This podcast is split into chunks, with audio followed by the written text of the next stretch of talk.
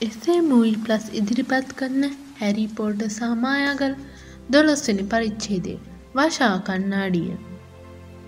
නත්තල් ළඟාවී දෙසැම්බර් මාසයේ මැද දිනක උදැසුන හුම්පුවාට සඩි කීපයක් උසට හිමෙන් වැසී තිබිණි.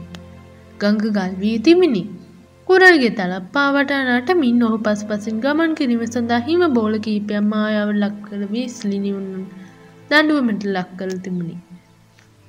කුණාටුව හරහා ලිපිගෙනීමට සටන් වැදුණු බකමූණන් කීප දෙනෙකුට ආපසු පියාඹීම පහසු වෙන තෙක් හැග්‍රීඩ් ප්‍රතිකාර කළේය.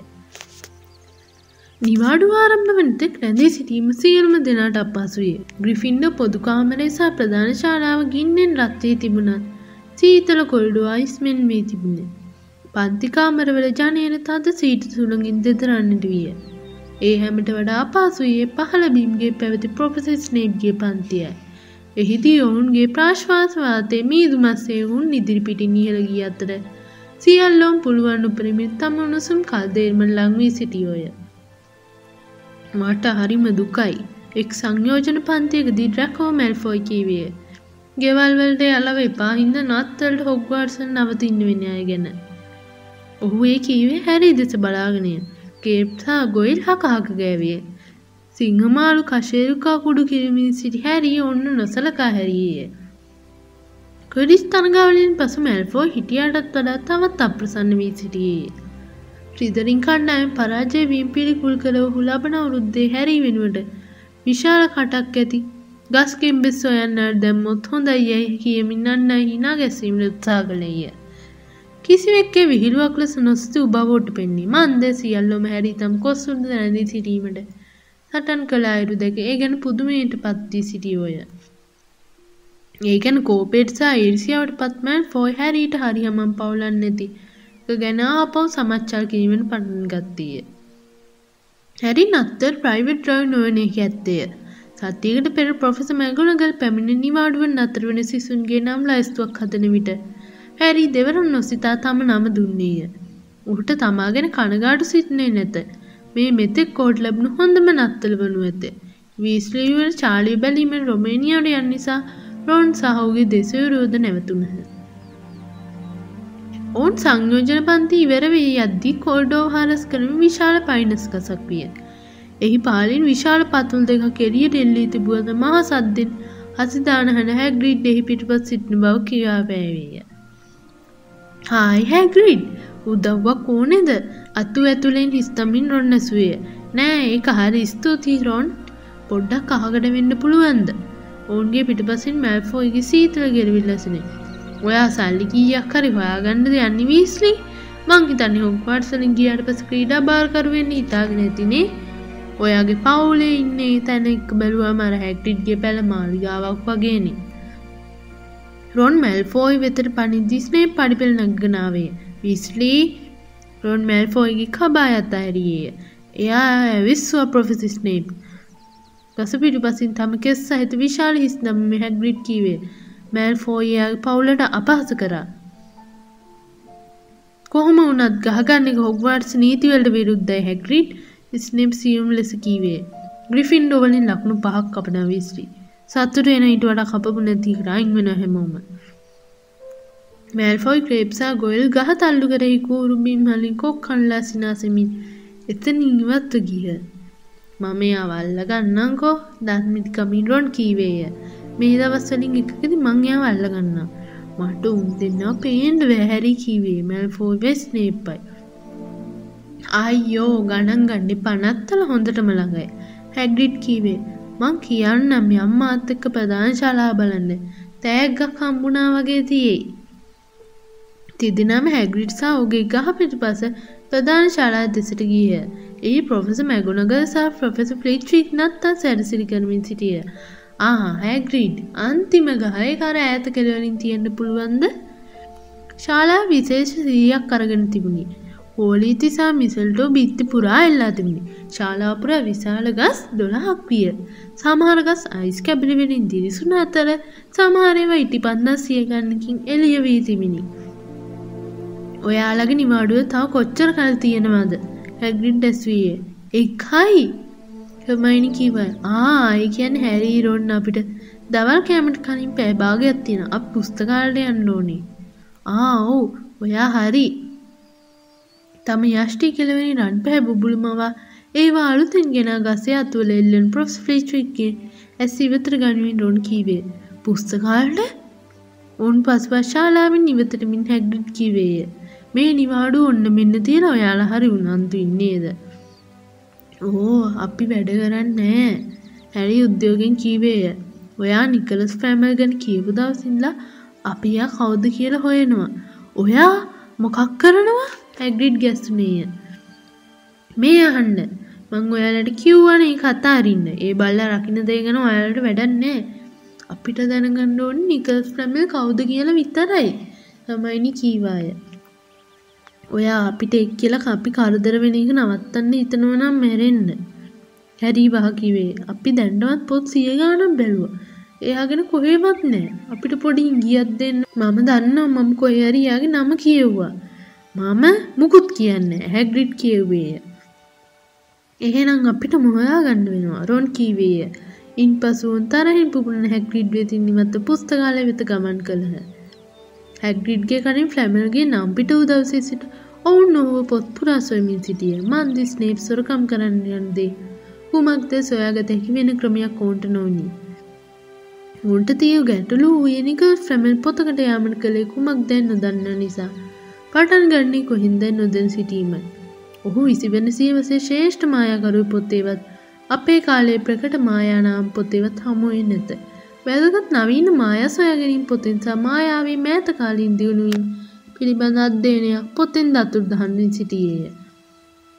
ඊළඟට ඇත්ත වශයෙන් පුස්තකාලේ විශාලත්වය පොත් දහදාය කොටස් රාහක දහස් ගන්න පටු තීරු සිය ගන්න. රුන් තෝරාගත් තීරුවක රාක්කවලූ පොත් තැනින් තැන අදමින් ඉන්න අතරේ හමයිනි තැමෙන් බැලීමට තියන්නේ විෂයන් සාමාත්‍රිකා ලයිස්තුවක් ඇදගත්තාය. හැරි තහනම් කලාපෙ වෙත එබෙමින් සිටියේ. කීප දිනක සිටම් ෆ්ලැමල් ලෙහි කොයි හෝ පොතක සිටියේ දැවූ සිතමින් උන්නේ. අවාසනාවට තහනම් පොතන් ලබා ගැනීමට ඔබට ගුරුවරෙක්ගේ අස්සන සහිත විශේෂ සටහනක් අවශ්‍ය වේ. එවැන්නක් තමාට කවදාවත් නොලබෙන බව දැන සිටියය. ඒවායුවේ හොග්වාට්ස කවදාවත් උගන්වන්නේ නැති අඳුරු මායාවන්ය. ඒව කියවන්නේ උසස් සහ ප්‍රබල අඳුරු මායාවටෙහි ආරක්ෂාව ගැන අදන්න වැඩිහිටි සිසුන් පමණි. මොනාද ළමය ඔයා ඔය හොයන්නේ මුකුත් නෑ හැරි කීවේය. පුස්තකාලාධිපතිනිය මැඩම් පීන්ස් ඕට පිහාට දූවිලි පිසිනකින් තට්ටු කළාය. එහෙනම් මෙතනින් ගියොත් හොඳයි යන්න යන්න එලියට. තමන් ඉක්මනින් සිතා කතාවක් ගොතා නොගැනීම ගැන දුක්කමින් හැරී පුස්තකාලින් එලියට ගියේ. ඔහු රැන් සහ හමයින් ෆ්ලැමල් ගැන මැඩම් පින්ස්කෙන් නොඇසීමට දැන්ටමත් තියන්නේ කර තිබිණි. ඇයට ඒ ගැන කිව හැකි ඒවාව ඔවුන්ට විශ්වාසුනත් ස්නේම් තමන් කරන දේවල් ගැන තොන්සුරක් යාමට ඉඩ තැබිය නොහැක. අනිත් දෙදරන් මොනාහල් ලැබුණ ද බැලීමට හැරි එලිය කොල්ඩෝවේ රැඳුනිය. නමුත් ඔහුට වැඩි විශ්වාසත් තිබුණේ නැත. ඔවුන් සත්‍යකත් තිස්සේ බලමින් සිටිය පන්ති අතතුර ඔවුන්ට වැඩි කාලයන් නොලැබුණ නිසා එය පුදුමයක්ද නොවීය. ඔවුන්ට අවශ්‍යවයි මැඩම් පේස් බෙල්ල ළඟ හුස්ම ගන්නේ නැත නිදහසේ දිගටම සොයා බැලීමකි. මිනාඩි පහකට පස රොන් සහ මයිනි තම හිස් වනමින් ඔහුට එකතුය. ඔවුන් දවල් කැමට කිවෝය.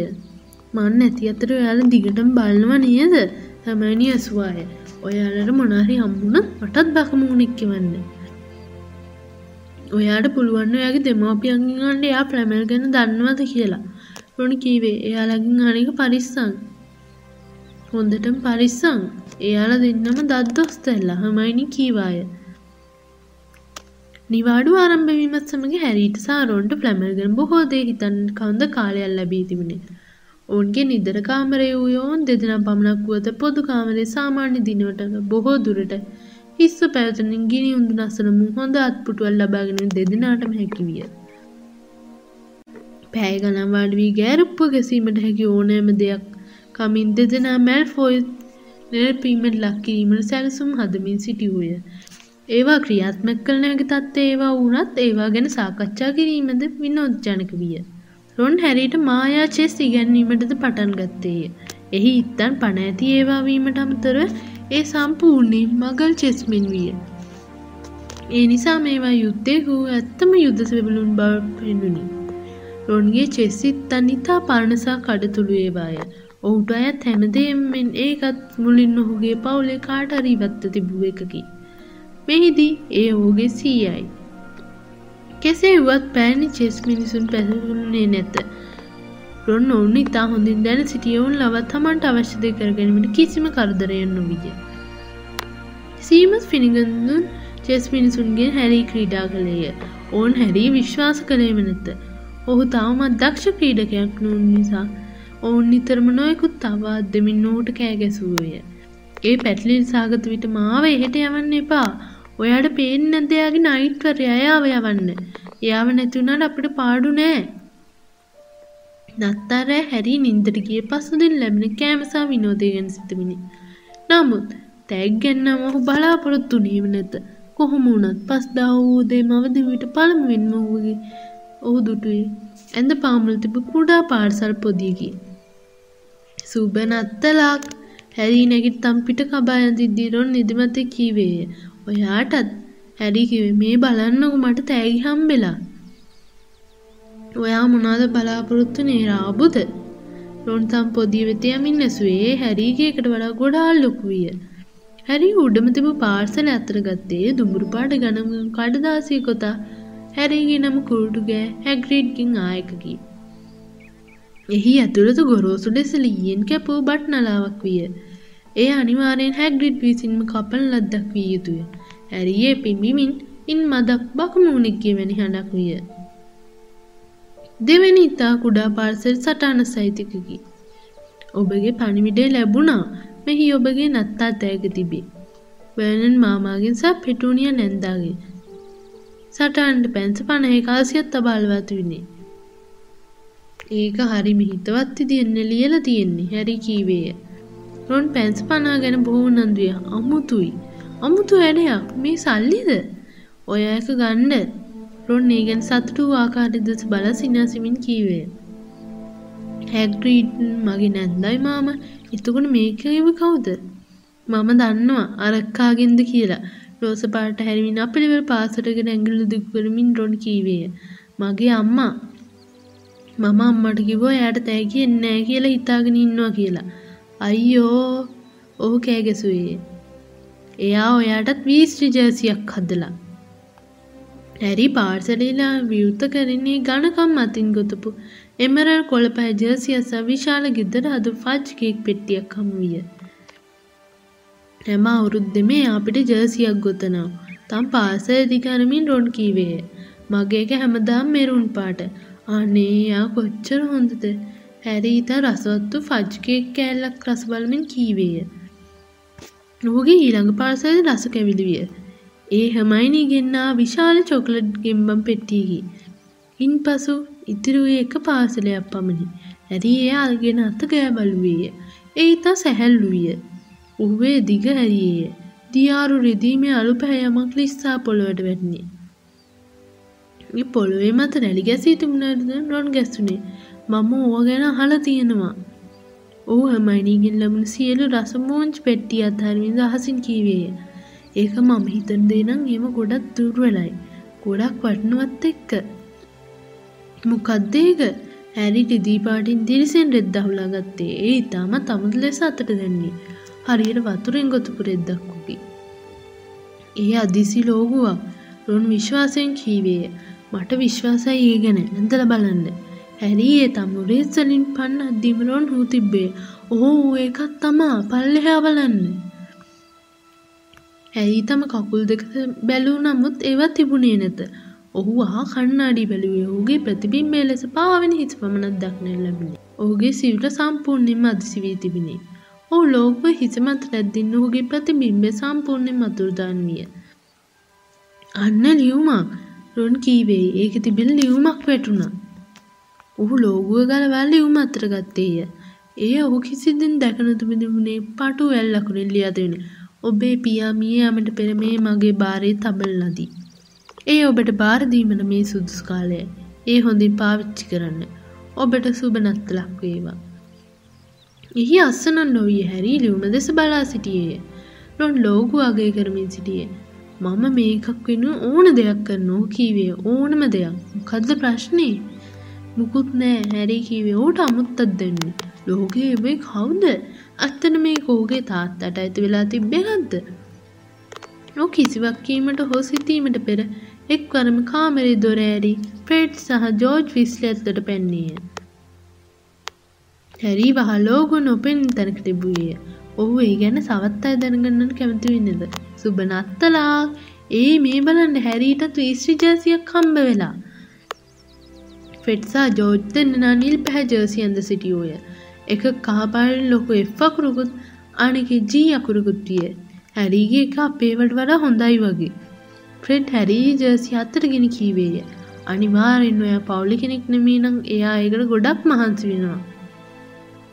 ඇයිරොන් ඔයාලේ වැඳගත්තේ නැත්තේ ජෝර්ජ් ඇසුවේ ඉක්මන් කරන්න ඇඳගන්න ඒව ලස්සනයි. රස්නේ මට මෙරුන් පාට පෙන්වන්න බෑ. ඒ හිසමතින් දම්මින් රොන් කෙන්දිරි ගෑවෙය. ඔයාගේ කේ ලියුමක් තිබ්බේ නැද්ද? ජෝර්ජ් සැලකිලිමත් වෙමින් ඇසුවේ. මං හිතන්නේ එයා හිතන්නේ ඔයාට ඔයාගේ නම අමතක වෙන්නේ නැහැ කියලා.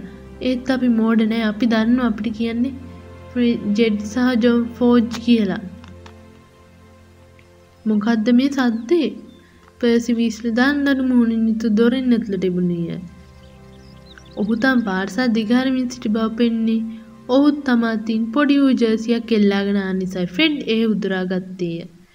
පී කියන්නේ ප්‍රිෆෙක්ට්. ඒක ඇඳගන්න පර්සි ඉක්මන් කරන්න.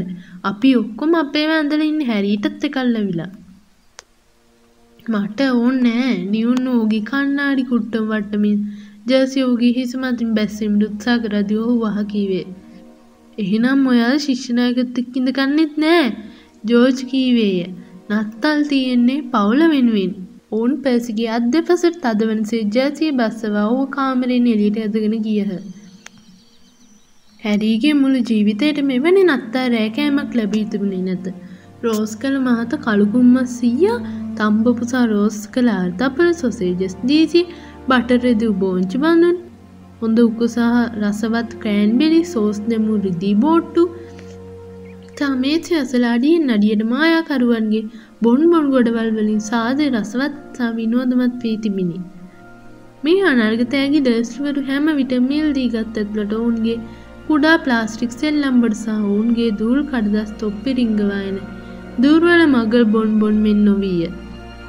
හැරි ෆෙඩ් සමගෙක්වී මායාවරුන්ගේ බොන් බොන්න එකත් දෙපසට ඇද්දේ.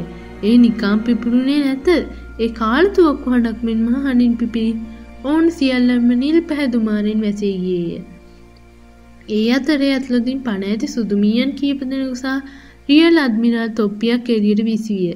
ඉහළ තිබූ ප්‍රධාන මේසයුන් ඩම්බල්ඩෝ තම මුල් මායා තොප්පිය වුණුවට මලින් ගැවසීගත් රවුන් තොප්පිය පැන්ද ප්‍රොෆෙසර් ෆ්‍රිච්වික් විසින් කියවූ විහිළුවකට සතුටින් සිනාසෙමින් සිටියේය.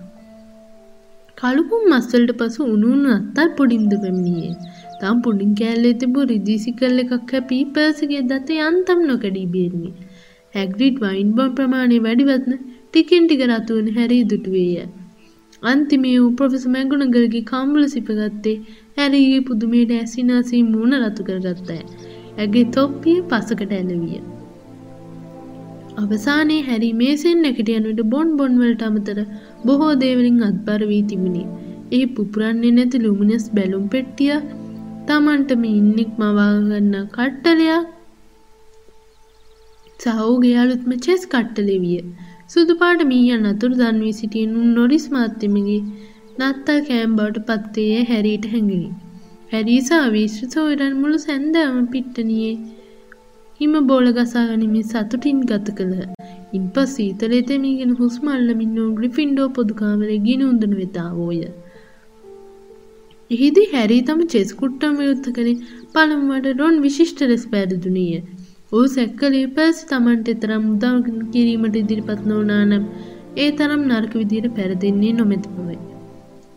කළුකුම් සැන්විච් ක්‍රයිම් පෙට් ට්‍රයිෆල් සහ ක්‍රිස්මස් කේක් වලින් සමන්විත ආහාර වේලකට පසු ඔවුන් ඕනාවටත් වඩා බඩ පිරී නිදිමතුවෙන් පර්ස් තම ශිෂ්‍යනායක බැජ් එක හොරගම් කළ ෆ්‍රෙඩ් සහ ජෝර්ජ් පස්පස ග්‍රිෆින්ඩෝ කුළුණු පුරා පන්නු බලවා හැරෙන්නට වෙන යමක් කළ නොහැකි විය.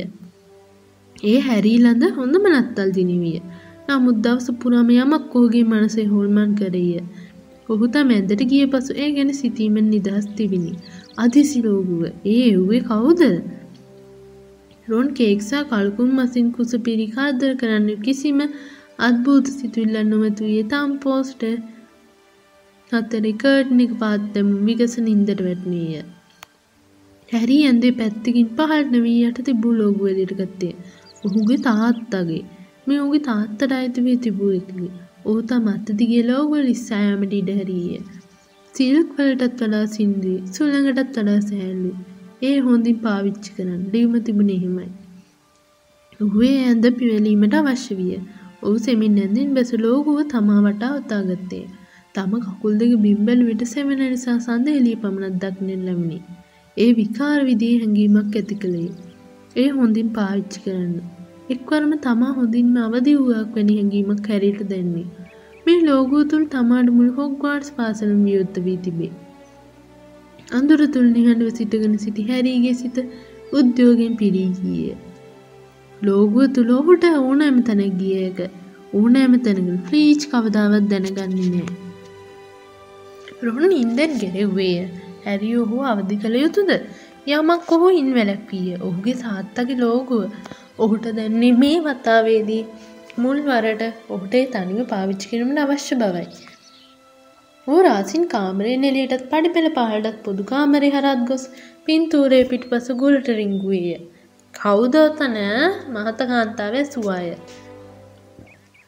හැරි කිසිවක් කීවේ නැත. ඔහු වහ වහ කොල්ඩෝ පහළට ඇවිද ගියේය. කුහුට ඔහු යායුත්තේ ඔහු නැවතුණිය. ඔහුගේ හදවත වේගයෙන් ගැහි. ඔහු මදක් සිතුවේ. ඉන්පසු ඔහුට අදහසක් ආවේ. පුස්තකාලේ තහනම් කොටස. ඔහුට කැමති තරම් වෙලා කියවිය හැක. ෆ්ලැමල් යනු කවුද සොයාගන්න අතෙක් කියවිය හැකිය. තම ඇඟවට ආදිසි ලෝගුත් තදින් නොතා ගනිමින් ඔහු ගමන ආරම්භ කළේය. පුස්තකාලේ ගණන්දුරෙන් පිරි අද්භූත භයානක බවින් පිරී තිබුණි. හැරි පොත්‍රාක් අතරින් යන අතරේ ලාම්පුවක් පත්තු කරගත්තේය. ලාම්පුව පෙන්නේ වාසය තුළ පාවෙන්නක් මෙනි. ඒ තම අතින් අල්ලාගෙන ඉන්න බව හැරීට දැන්නත් ඒ පෙන්නේ භයානක ලෙසයි. තහනම් කොටස් තිබුණේ පුස්තකාලේ පටුපස කොටසෙයි. ඒ පුස්තකාලයේ ඉතිරි කොටසින් වෙන් කළා නෝඩින් පරිස්සමින් පරමින් වූ මාතෘකා කියවීමෙන් තම ලාම්පු එසවුවේය. ඒ වයින් වැඩි යමක් කියවුණේ නැත.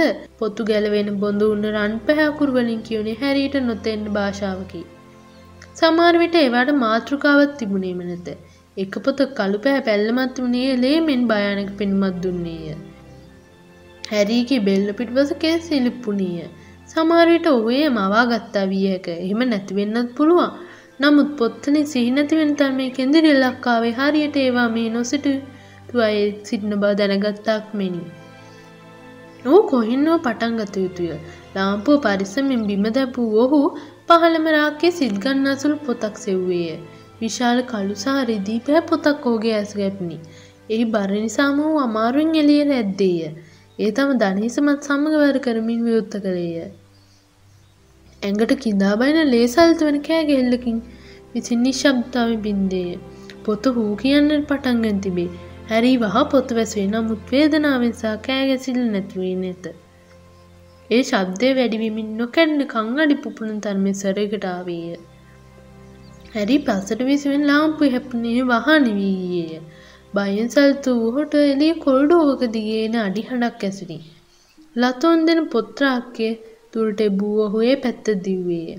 ඔහු දොරළඟදි ෆ්‍රීච්ච පසු කළේ ෆ්‍රීච්ගේ පලල් සුදුමැලියස් ඔහු දෙසම් බැලුවේය. ඔහු දිගු කළ අතේ යටින් රිංගෝ හැරි කොල්ඩෝව දිගේ ගමන් කළේ පොතේ අඳුනා තාමත් ඔහුගේ කන්තුල රැවදුන්නේය. ඔහු එක්කරම සන්නා ඇඳුමක් අසල නතර විය. ඔහු පුස්තකාලින් ඈතට යාමක් ගැන සිතුවා මිස යන්නේ කොහෙදැයි සිතුවේ නැත. අඳුර නිසාම තමන් ඉන්නේ කොහෙදැයි ඌට හඳුනාගත් නොහැකි විය. කුස්සිය ළඟ සන්නාහ ඇඳුමක් තිබුණි. ඔහුේ දැන සිටියත් ඔහු ඊට තට්ටු පහක් ඉහළින් සිටිනවා විය හැක. ප්‍රොෆෙසර් කවුරු හරි ඇතිස්සේ හැමතැනම ඇවිදිනවා නම් හරි කවුරු හරි පුස්තකාලේ තහනම් කොටස ගියොත් හරි කෙලින්ම ඔබතුමා ළඟට එන්න කියලානේ ඔබතුමා මට කිව්වේ. හැරීට තම මූණේ ලේ හින්දෙන් දැන්නේ. හැරි සිටින්නේ කොහොන ෆ්ලීච් එතෙන්ට එන්න කෙටි පාරක් දැන සිටින්නට ඇත. මන්දෝගේ සිනිඳු වේගවත් කටල්ලන් ලං වැසින්නට විය. ඔහුගේ බීතිය වැඩිකරමින් ඊට පිල්සුදුනි ස්නිප්පය. තහනම් කොටසෙ හොඳයි. එයාල වැඩි ඇතක වෙන්න බෑ අපි අල්ල ගම්මු. ඉදිරිපස කෙලවනින් ස්නේප් සෆ්ලීච් මතුවත්ම හැරී සිටි තැන මුල් ලදමින් නිසොල්ව සිටියේ. අනිවාරෙනුට හැරිය පෙන්න්න නැත නමුත් එඊට ඉතා අපට කොල්ඩොවකුයි නො ළඟට මාවොත් ඇගේ හැපීමට ඉඩ තිබේ. ලෝගුවට ඔහු අත්තුදන් කළ නොහැක. ඕ පුළුවන් තරම් නිහඬ පස්සෙන් පස්සට ගියේ. ඕගේ වම් පසින් දොරක් යන්තමට විවෘත්තුව තිබුණේ. ඒ ඕගේ එකම් බලාපොරොත්තු වූයේ නෝ හුස්ම තද කරන දොර නැසෙල්වෙන්තේ හිමීට ඇතුළට මිරිකා රිංගා ගත්තේය. ඕගේ සැනසිල්ලට ඔවුන් කිසිවත් දකින්නට පෙර ඔහුට දොරින් ඇතුල් වන්නට හැකිවිය. ඔවුන් හැරිව පසු කරගෙන කෙලින් මැවිත ගිය. ඇරි බිත්තියට හේත්ති තදින් හුස්ම ගනිමින් ඔවුන්ගේ අඩිහන්න මැකී යනු අසා සිටියේ. ඔහු බේරුණේ නූලෙනි. ඕ හැංගුණ කාමර කුමක්ද දකින තවත් අපර ගන්නක් ගත විය. ඒ අමුතු පන්ති කාමරයක් විය අමුතු හැඩේ පුටුසා මේස බිත්ති අසල ගොඩගසා දෙන්නේ. එහි පිරී ඉතින්න පාවිච්චි කර කඩදාසි කුඩයක් විය. නමුත් ඒ නොතිබී යුත්තක් මෙන් පෙන්යාමක් ඔහු දෙසට හරවා බිත්ති හේතු කර තිබුණි. ඒ ඇත් කිරීමට අවශ්‍ය නිසා කවුරුන් හෝ වහා තැබුවක් මෙන් විය. ඒ මහාර්ග කණ්නාඩියක් විය. එව සිවිම තරම් උස්සූ අතර මෝස්ත දැමු රන් රාමුකින් මට වී කුරුළු කකුල් දෙකමත් සිටවා තිබුණි. එහි ඉහළ වාක්‍යයක් කොටා තිබුණි. ඊව ශාතේව දහබේව වනෝන උමුකේවුණෝ වන් පේම. ස්නේම්ගේ සහ ප්ලේජ්ගේ සබ්දය මැකී කිය හැරීගේ බයිසෙමින් හිතෙන් දියවී ගියේය. හැරි තමාදෙස බැලීමට කන්නාඩිය වෙත ලංවිය. නමුත් කිසිම් ප්‍රතිබිම්බයන් නොවී ඔහු ඒ ඉදිරිපිට හිටගත්තේය. ඔහුගේ කෑගැසීම් වලක්වා ගැනීමට අතින් කටවසාගත්තේය. ඔහු ආහැරුණේය. පොත කෑගසද්දී බයදන්න වෙලේටත් වඩා වේගින් ඌගේ හදවත ගැහෙන්නට පටන් ගත්තේය. මන්ද ඕ කන්නාඩියෙන් දුටු ඔහු පමණක් නොවේ ලොකු සෙනඟ කෝව පසපස හිටගෙන හිටී. නමුත් කාමරෙ හිස්ය වේගෙන් හුස්ම ගනිමින් ඔහු ආපස්සමින් කන්නාඩී වෙත හැරුණේය. මෙන්න ඔහුගේ සුදුමෙන් බය වූ ප්‍රතිබිම්බ සහිට පිටිපස මිනිසුන් දහදිනෙක් පත්තිය. හැරිතම් මුරහිසුඩින් පිටිපස බැලුවත් ඒ කිසිවෙක් නොවීය. ඔවුනු තදිසි වී සිටේද. එහෙමත් නැත්තම් වූ අදිසි මිනිසුන් පිරි කාමරෙන් ඉන්නවවද්ද. මේ කන්නාඩි අඩසි වුවත් නැතත් ඔවුන්ගේ ප්‍රතිබිම්බ පෙන්වා විය හැක.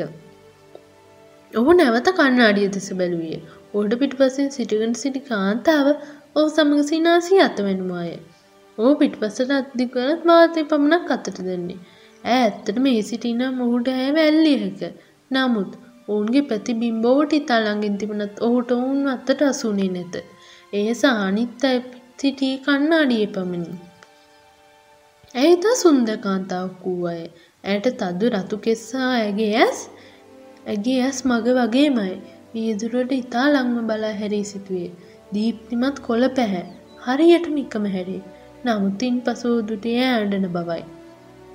ඇ සිනාසෙමින් සිටියත් ඒත් සමඟ මාණ්ඩයි. ඈ ළඟව සිටි උස කෙට්ටු කළු හිසකයද මිනිසත් තමාත ඇගේ උර ඉසරට දැම්මිය. ඕ කන්නාඩි පැල්ද සිටිය අතට ඕගේ හිසකෙස් බොහෝ දුරට අවුලී තිබුණි. හැරීගේ මෙන් පිසු පසකෙස් ඉහල්ට විසිවී තිබුණ. හැරි කන්නාඩිට පුළුවන් තරන් ලං වූයේ ඔහුගේ නාසිතා ප්‍රතිබිම්බේ ගෑවෙන් නොගෑවෙන තරම් විය. අම්මේ ඕ කෙඳුරුවේ තාත්තේ ඔහු සිනාසමින් හැරී දෙස බැලුවේ හැරි සෙමින් අනෙක් මිනිසු දෙසත් බැලුවෙන් තමන්ගේමෙන් කොළ පැහැස්ස තියයි දුටුවේ. තමන්ගේමින් නාස් දුටුවේ. හැරීගෙමින් ගෙඩි ගැසුණු දනි හිස්සත් කුඩා මිනිසකුදු විය. ජීවිතේ පළමුවතාවට හැරී තම් පවුල දෙස බලාගෙන සිටී. පෝටවර ඔත් සමඟ සිනාසමින් අත්තැනුව අතර හැරී ආසාාවෙන් ඔවුන් දෙස බලා සිටියය. ඔහුගේ අත් වීදුරුවත් හදුවී ඇත්ලට පැන ඔවුන් වෙත යාමට උත්සා කරන්නක් මිනි. ඔහු ඇතුළාන්තෙන් දැවුණේය. අඩක් සතුටින් අඩක් මහා දුකගින් ඔහුගේ සිත පිරී තිබුණි. ඔහු කොප්පමනෙලා ඒ සිටගෙන සිටියද ඕ නොදත්තේය.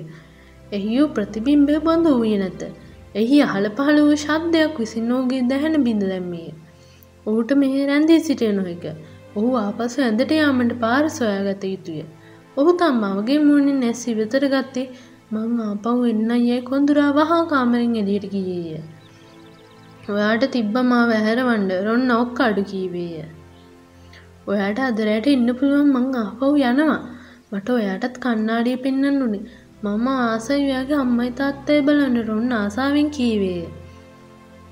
මටත් ඕනු ඔයාගේ පවුල ඔක්කොමලා බලන්න ඔක්කොම් වීස්ලාබ ඔයාට පුළුවන්ගේ මට ඔයාගේ අනිත් අයියලා හැමෝමත් පෙන්න්න. මට යාල ඕන වෙලාක බලන්න පුළුවන් රොන් කීවේය. මේ පා සමාවලට අපේ ගෙදරෙන්නේ ඒක නෙමේ. සමාරවිට එකින් පින් මැල්ලු මිනිස්ස විතරක් වෙන්න පුළුවන්. ෆැමල් ගැන හොයාගන්න බැරිවුණේ අපරාදේ. මේ බේකන් හරි මොනාරි කණ්ඩ ඇයිවා මුකුත් කන්න ඇත්තේ. අඩීට කන්නත් බැරිය ඌම තමන්ගේ දෙමාපියන් දුටුවේ අද රෑටත් තාපස්සු දකිනු ඇත. ඔහුට ෆැමල් ගැන අමතක විය තවදුරටත් ඒ වැදගත් නොවිය. ඔළුතුනේ බල්ලා රකින්නේ මොනාද කියලා කාටද වැදගත් ඒ ස්නේප්ගින් හොරකං කරත් මොකද ඇත්තටම. ඔයා හොඳින්ද රොන් ඇසුවේ ඔයා අමුතුයි හැරි බයවූයේ නැවත කන්නාඩි තිබ්බ කාමර හොයාගන්නට බැරිවී යන සිතුවිල්ලයි. රොන්වත් ලෝගු ඇතුලට ගත්තාම අදරයට තවත් හෙමින් ගමන් කරන්න සිදුවේ. උන් පුස්තකාලේ සිට හැරී ගමන් කළ මගනුව කළුවර පටිකොල්ඩෝ දිග සොයන්නට උත්සාගනින් පැයක් පමණ ගත කළ. මාව සීතලේ ගල් වෙනවා රොන් කීවේ ඒක අමතක් කල්ල ආපුයක් බෑ හැරි තරහෙන් කීවේ මම දන්න එක මේ කොහැරි තියෙනවා ඔවුන් විරුද්ධ පැත්තට යන උස මායාකාරීගේ අවතාරය පසු කළත් වෙන කිසිවත් දක්නට නොලබිනි. රොන්තම යටිපස සීතලට මැරලා ඇය කියමින් අඳුරන තියන්න පටන්ගත් සති. හැටියේ හැරි සන්න හැඳුම් දුටුව. ඒක මෙතන මේ මෙතන ඔවු. ඔවුන් දවතල්ලු කර ඇතුල්ලූහ හැරි ලෝගු උරයිසින් පන්න බිම අතැර කන්නාඩිය වෙත තිව්වේය. ඔවුන් ඒ සිටි ඔහුගේ මවසා පියා ඔහු ඉදිරිපිට බැබලමින් සිටි මේ බලන්න හැරි කෙඳුරුවේ. මට මුකුත් පේන්නේ නැහැ. බලන්න එයාලා ඔක්කොම දිහා බලන්න එයාලා ගොඩක් ඉන්නවා. මට පේන්නේ එයා විතරයි. හරියට බලන්න කෝ මෙහෙන් මම හිටපු තැන හිටගන්න. හැරි අහකට උනේ නමුත් රොන් ඉදිරින් ඉන්න විට ඔහුට තවදුරටත් තම පවුල පෙන්වන්න ඇත. ඒ වූයේ පිජාමා ඇඳ මැද රොන් පමණි. අනෙක් අත රොන් තම පිළිඹුමු දෙස ගල් ගැසී බලා සිටි. මන් දිහා බලන්න ඔහු කීවේය. ඔයාට පේනවද ඔයාගේ මුළු පවුලම ඔයාගේ වට හිටගෙන ඉන්නවා. නෑ මං තනියෙන් ඒත් මං වෙනස් මං ලොකුයි අනික මම ප්‍රධාන ශිෂ්නායකයා මොකා? මම බිල්ට තිබුණාගේ බැජ්ජ ගක්ගගෙන ඉන්නේ. මම නිවාස කුසලානය ක්‍රඩිච් කුසලානය අල්ලගෙන ඉන්නේ. කුඩිච් නායකෙක් මම. නොන්තාම විශිෂ්ට දර්ශනය ඇස්කල් වගෙන උත්තාමෙන් හැඩි දෙස බැලුවේ. ඔයා හිතනවද මේ කන්නාඩි අනාගතය පෙන්නවා කියලා? එහෙම වෙන්න කොහොමද මගේ පවුල ඔක්කොම් මැල්ලා ඉන්න මම ආපව් බලන්න. ඔයාට ඊයේ මුළු රෑම තිබ්බ මට තව ටික වෙලාවක් ඉන්න දෙන්න. ඔයා කුඩිච් කුසලානේ අල්ලගෙන ඉන්නවා විතරනේ. ඒක මොනවද බලන්න තියෙන්නේ? මට මගේ දෙමාපිය බලන්න ඕන. මාව තල්ලු කරන්න එපා. එල්ලී කොල්ඩුවෙන් එක්වර මා ශබ්දයක් විසින් ඔවුන්ගේ සාකච්ඡාව නවත්තන ලදී. ඔවුන් කෙතනම් සද්දෙන් කතා කර ඇදැයි දෙදෙනාම දැන සිටියේ නැත. ඉක්මන් කරන්න. දෝර්ලඟින් නොරිස් මහත්මියගේ ලුමිනස් පාඩස් මතුවෙද්දී රොන් ලෝගුව උන් වට දමාගෙන ඉබරවිය. රොන්ස හැරී නිහඬව නොසෙල්වී හිටගෙන හිටිය. දෙදනම් සිට එකමදී ලෝගුව පූසන්ටත් වැඩ කරනවාද. බොහෝ කාලයකට පසු හැරි කාම්බරින් ඉවත්තිය. මේක එච්චර හොඳ නෑ වූ ෆ්ලීච්චෝ හොයාගෙන ගියා වෙන්න පුළුවන්. ඔට්ටු යූට අපි වැහු නික්මට යන්. රොන් හැරීව කාමරින් ඉවතට ඇද්දේය. ඊළඟ උදෑසන වෙනට තාමත් හිම දියවී තිබුණේ නැත. හැරී චෙස්සෙල්ලං කරමුද? රොන් කිවේ බෑ අපි පල්ලෙහට යමුක හැග්‍රිඩ්ව බලන්න බෑ ඔයා යන්න මං දන්න ඔයම් මුණා ගැනද හිතන්න කියලා කන්නාඩියගන්නේ ආපව් අදරයට යන්න එපා. ඇයිඒ මම දන්නේ මට කරන්න ගැන මහ නරක අදහසක් ආවේ. අනික දැන්ටමත් ඔය කීපාරක් යන්තම් බේන්න ෆ්ලීච් ස්නේප් නොරිස් මාත්මී හැම තැනම යනවා. ඉතින් එයාල ඔයාව දකින්න නැතුව ඇවිල්ල ඔයාගේ ඇගේ හැප්පුණොත් මොකද වෙන්නේ? ඔයා ගිහින් මොකේ හරි හැප්පුණොත් මොකද වෙන්නේ? ඔයා හරියට හමයිනි වගෙන කතා කරන්නේ. මං විහිළු ගන්නවා නෙමේ හැරි. යන්න එපා. නමුත් හැරිගේ සිතේ තිබුණ එකම එක අදහසක් පමණි. ඒ අප කණ්ණාඩිය වෙත යන බව රොන්ටේ වැළැක්විය නොහැකි බවත් පමණි. එම තුන්වන දිනේ ඔහු පෙර දිනට වඩා ඉක්මනින් පාර හොයාගත්තේය. ඔහු කොපමණ වේගින් ගියද කිව්වොත් ඔහු මහා අඬඟමින් ගමන් කළේය. නමුත් ඔහුට කිසිවෙන් මුණ ගැසුණේ නැත. එහිදී ඕට නැවතත් තමාසුම සිනාසෙන්තා මවසා පියමුණ ගැසිනි. ඔහුගේ එක්සිහිය කෙනෙ සතුටින් හිස්වැන් විය. හැරි කන්නාඩී දිපස බිම්ම වාඩි විය. ඔහුට මේ තාම් පවුල සමඟ සිටීම වලක්වන්න කිසිවක් නොවිය. කිසිවක්ම නොවිය. එකක් කැර. ඉතින් හැරි ආපහු ආවද? හැරිට තම ඇතුළාන්තෙම අයිස්වලට පත්වෙන්නක් මෙන් දැන්නේ. ඔහු පසුපස බැලියේ. බිත්‍යස්ස ලූබංකුවකින් දෙල් සිටි වෙන කවුරුත් නොව ඇල්බස් ඩම්බර්ඩෝය. හැරි ඔය ළඟින්ම ඔහුව පසු කරගෙන ආවා විය හැක. කන්නාඩිය ළඟට යමින් වෙවසිල්ලෙන්නා නිසා හැරි ඕ දැක්කේ නැත. මම ඔයාව දැක්කේ නෑ සර්. තමන්ගේ ළඟම ඉන්න කෙනෙක් නොපෙනෙන එකත් අමුතුයි. ඩම්බල්ඩෝ කීවේ හැරිගේ සැනසිල්ලට ඔහු සිනාසුනේ. ඉතින් මේසෙන් බැසවිත් හැරී ළඟ විම්මින්ද ගනසමින් ඔහු ඇසුවේය. ඔයත් මීට කලින් මේ වශා කන්නාඩී සතුන් ලැබූ සිය ගානක් වගේ මම ඒක නමේ විදිහ කියලා දැනගෙන හිටියේ නෑ සර්.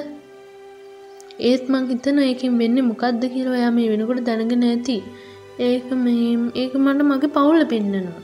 එතකොට ඒක ඔයාගේ යාළුව රොන්ට පෙන්වා ය ශිෂ්ෂනායකය වෙලා ඉන්නවා කියලා. ඔයා කොහොම දන්නේ මට අදිසිවෙන්න ලෝගුවක් ඕන වෙන්නේ නෑ ඩම්බල්ලෝ කන්නාවෙන් කිවේ දැන් ඔයාට හිතන්න පුළන් වශා කන්නාඩි අපි හැමෝටම් පෙන්න්න මනාද කියලා.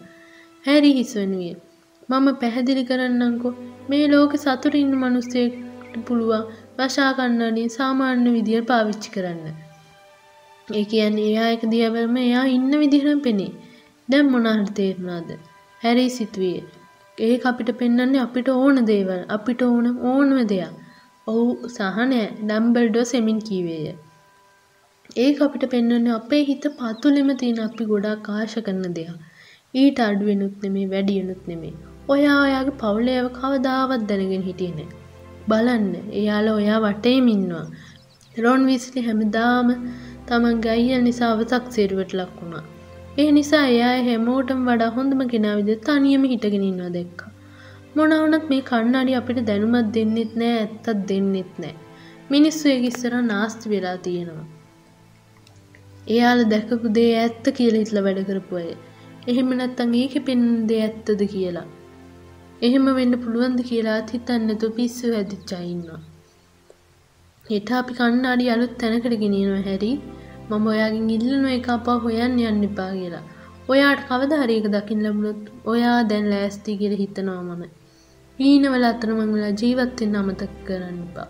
ඒක මතක තියාගන්න. දැන් ඔයා ආරයාගේ ලෝගුව දාගෙන මෙතනින් පිට වෙලා ඇඳට යන්න ඕනේ. හැරි නැගිට්ටේය. සර් ප්‍රොෆෙසර් ඩම්බල්ඩෝ මට ඔයාගෙන් දෙයක් අහන්න පුළුවන්ද? අනිවාර්යෙන් ඔයා දැන් කළෙත් ඒකනේ. ඩම්බල්ඩෝ සිනාසුනේ. එහෙනම් ඔයාට පුළුවන් තව එක දෙයක් අහන්න. ඔයා කණ්ණාඩිය දිහා බලපුවම මොකද පේන්නේ? මම මට පේනවා මම ඌල් වලින් ගොතුම ඝනකම් මේස් ජෝඩුවක් අල්ලගෙන ඉන්නවා. ඔහු හැරී දෙස බලා සිටියේ. කෙනෙක්ට කොච්චර මේස් තිබ්බත් ඇති වෙන්නේ නැහැ. ඩම්බල්ඩෝ කීවේ. තව නත්තලක් ඇවිත් ගියා. මට එක මේස් ජෝඩුවක්වත් ලැබුණේ නැහැ. මිනිස්සු හිතන්නෙම පොද්දෙන්ද. හැරි ඇඳට කියපස ඕට සිදුන ඩම්බල්ඩෝට සම්පූර්ණ නැත්ත කීවෙ නැති බයි. ඒත් ඉන් පස් විස්ක බැස්සෝගේ කොට්ටේ ඉවතට වීසි ගනමින් සිතුවේ අතිශය පුද්ගලික කරුණක් බවයි.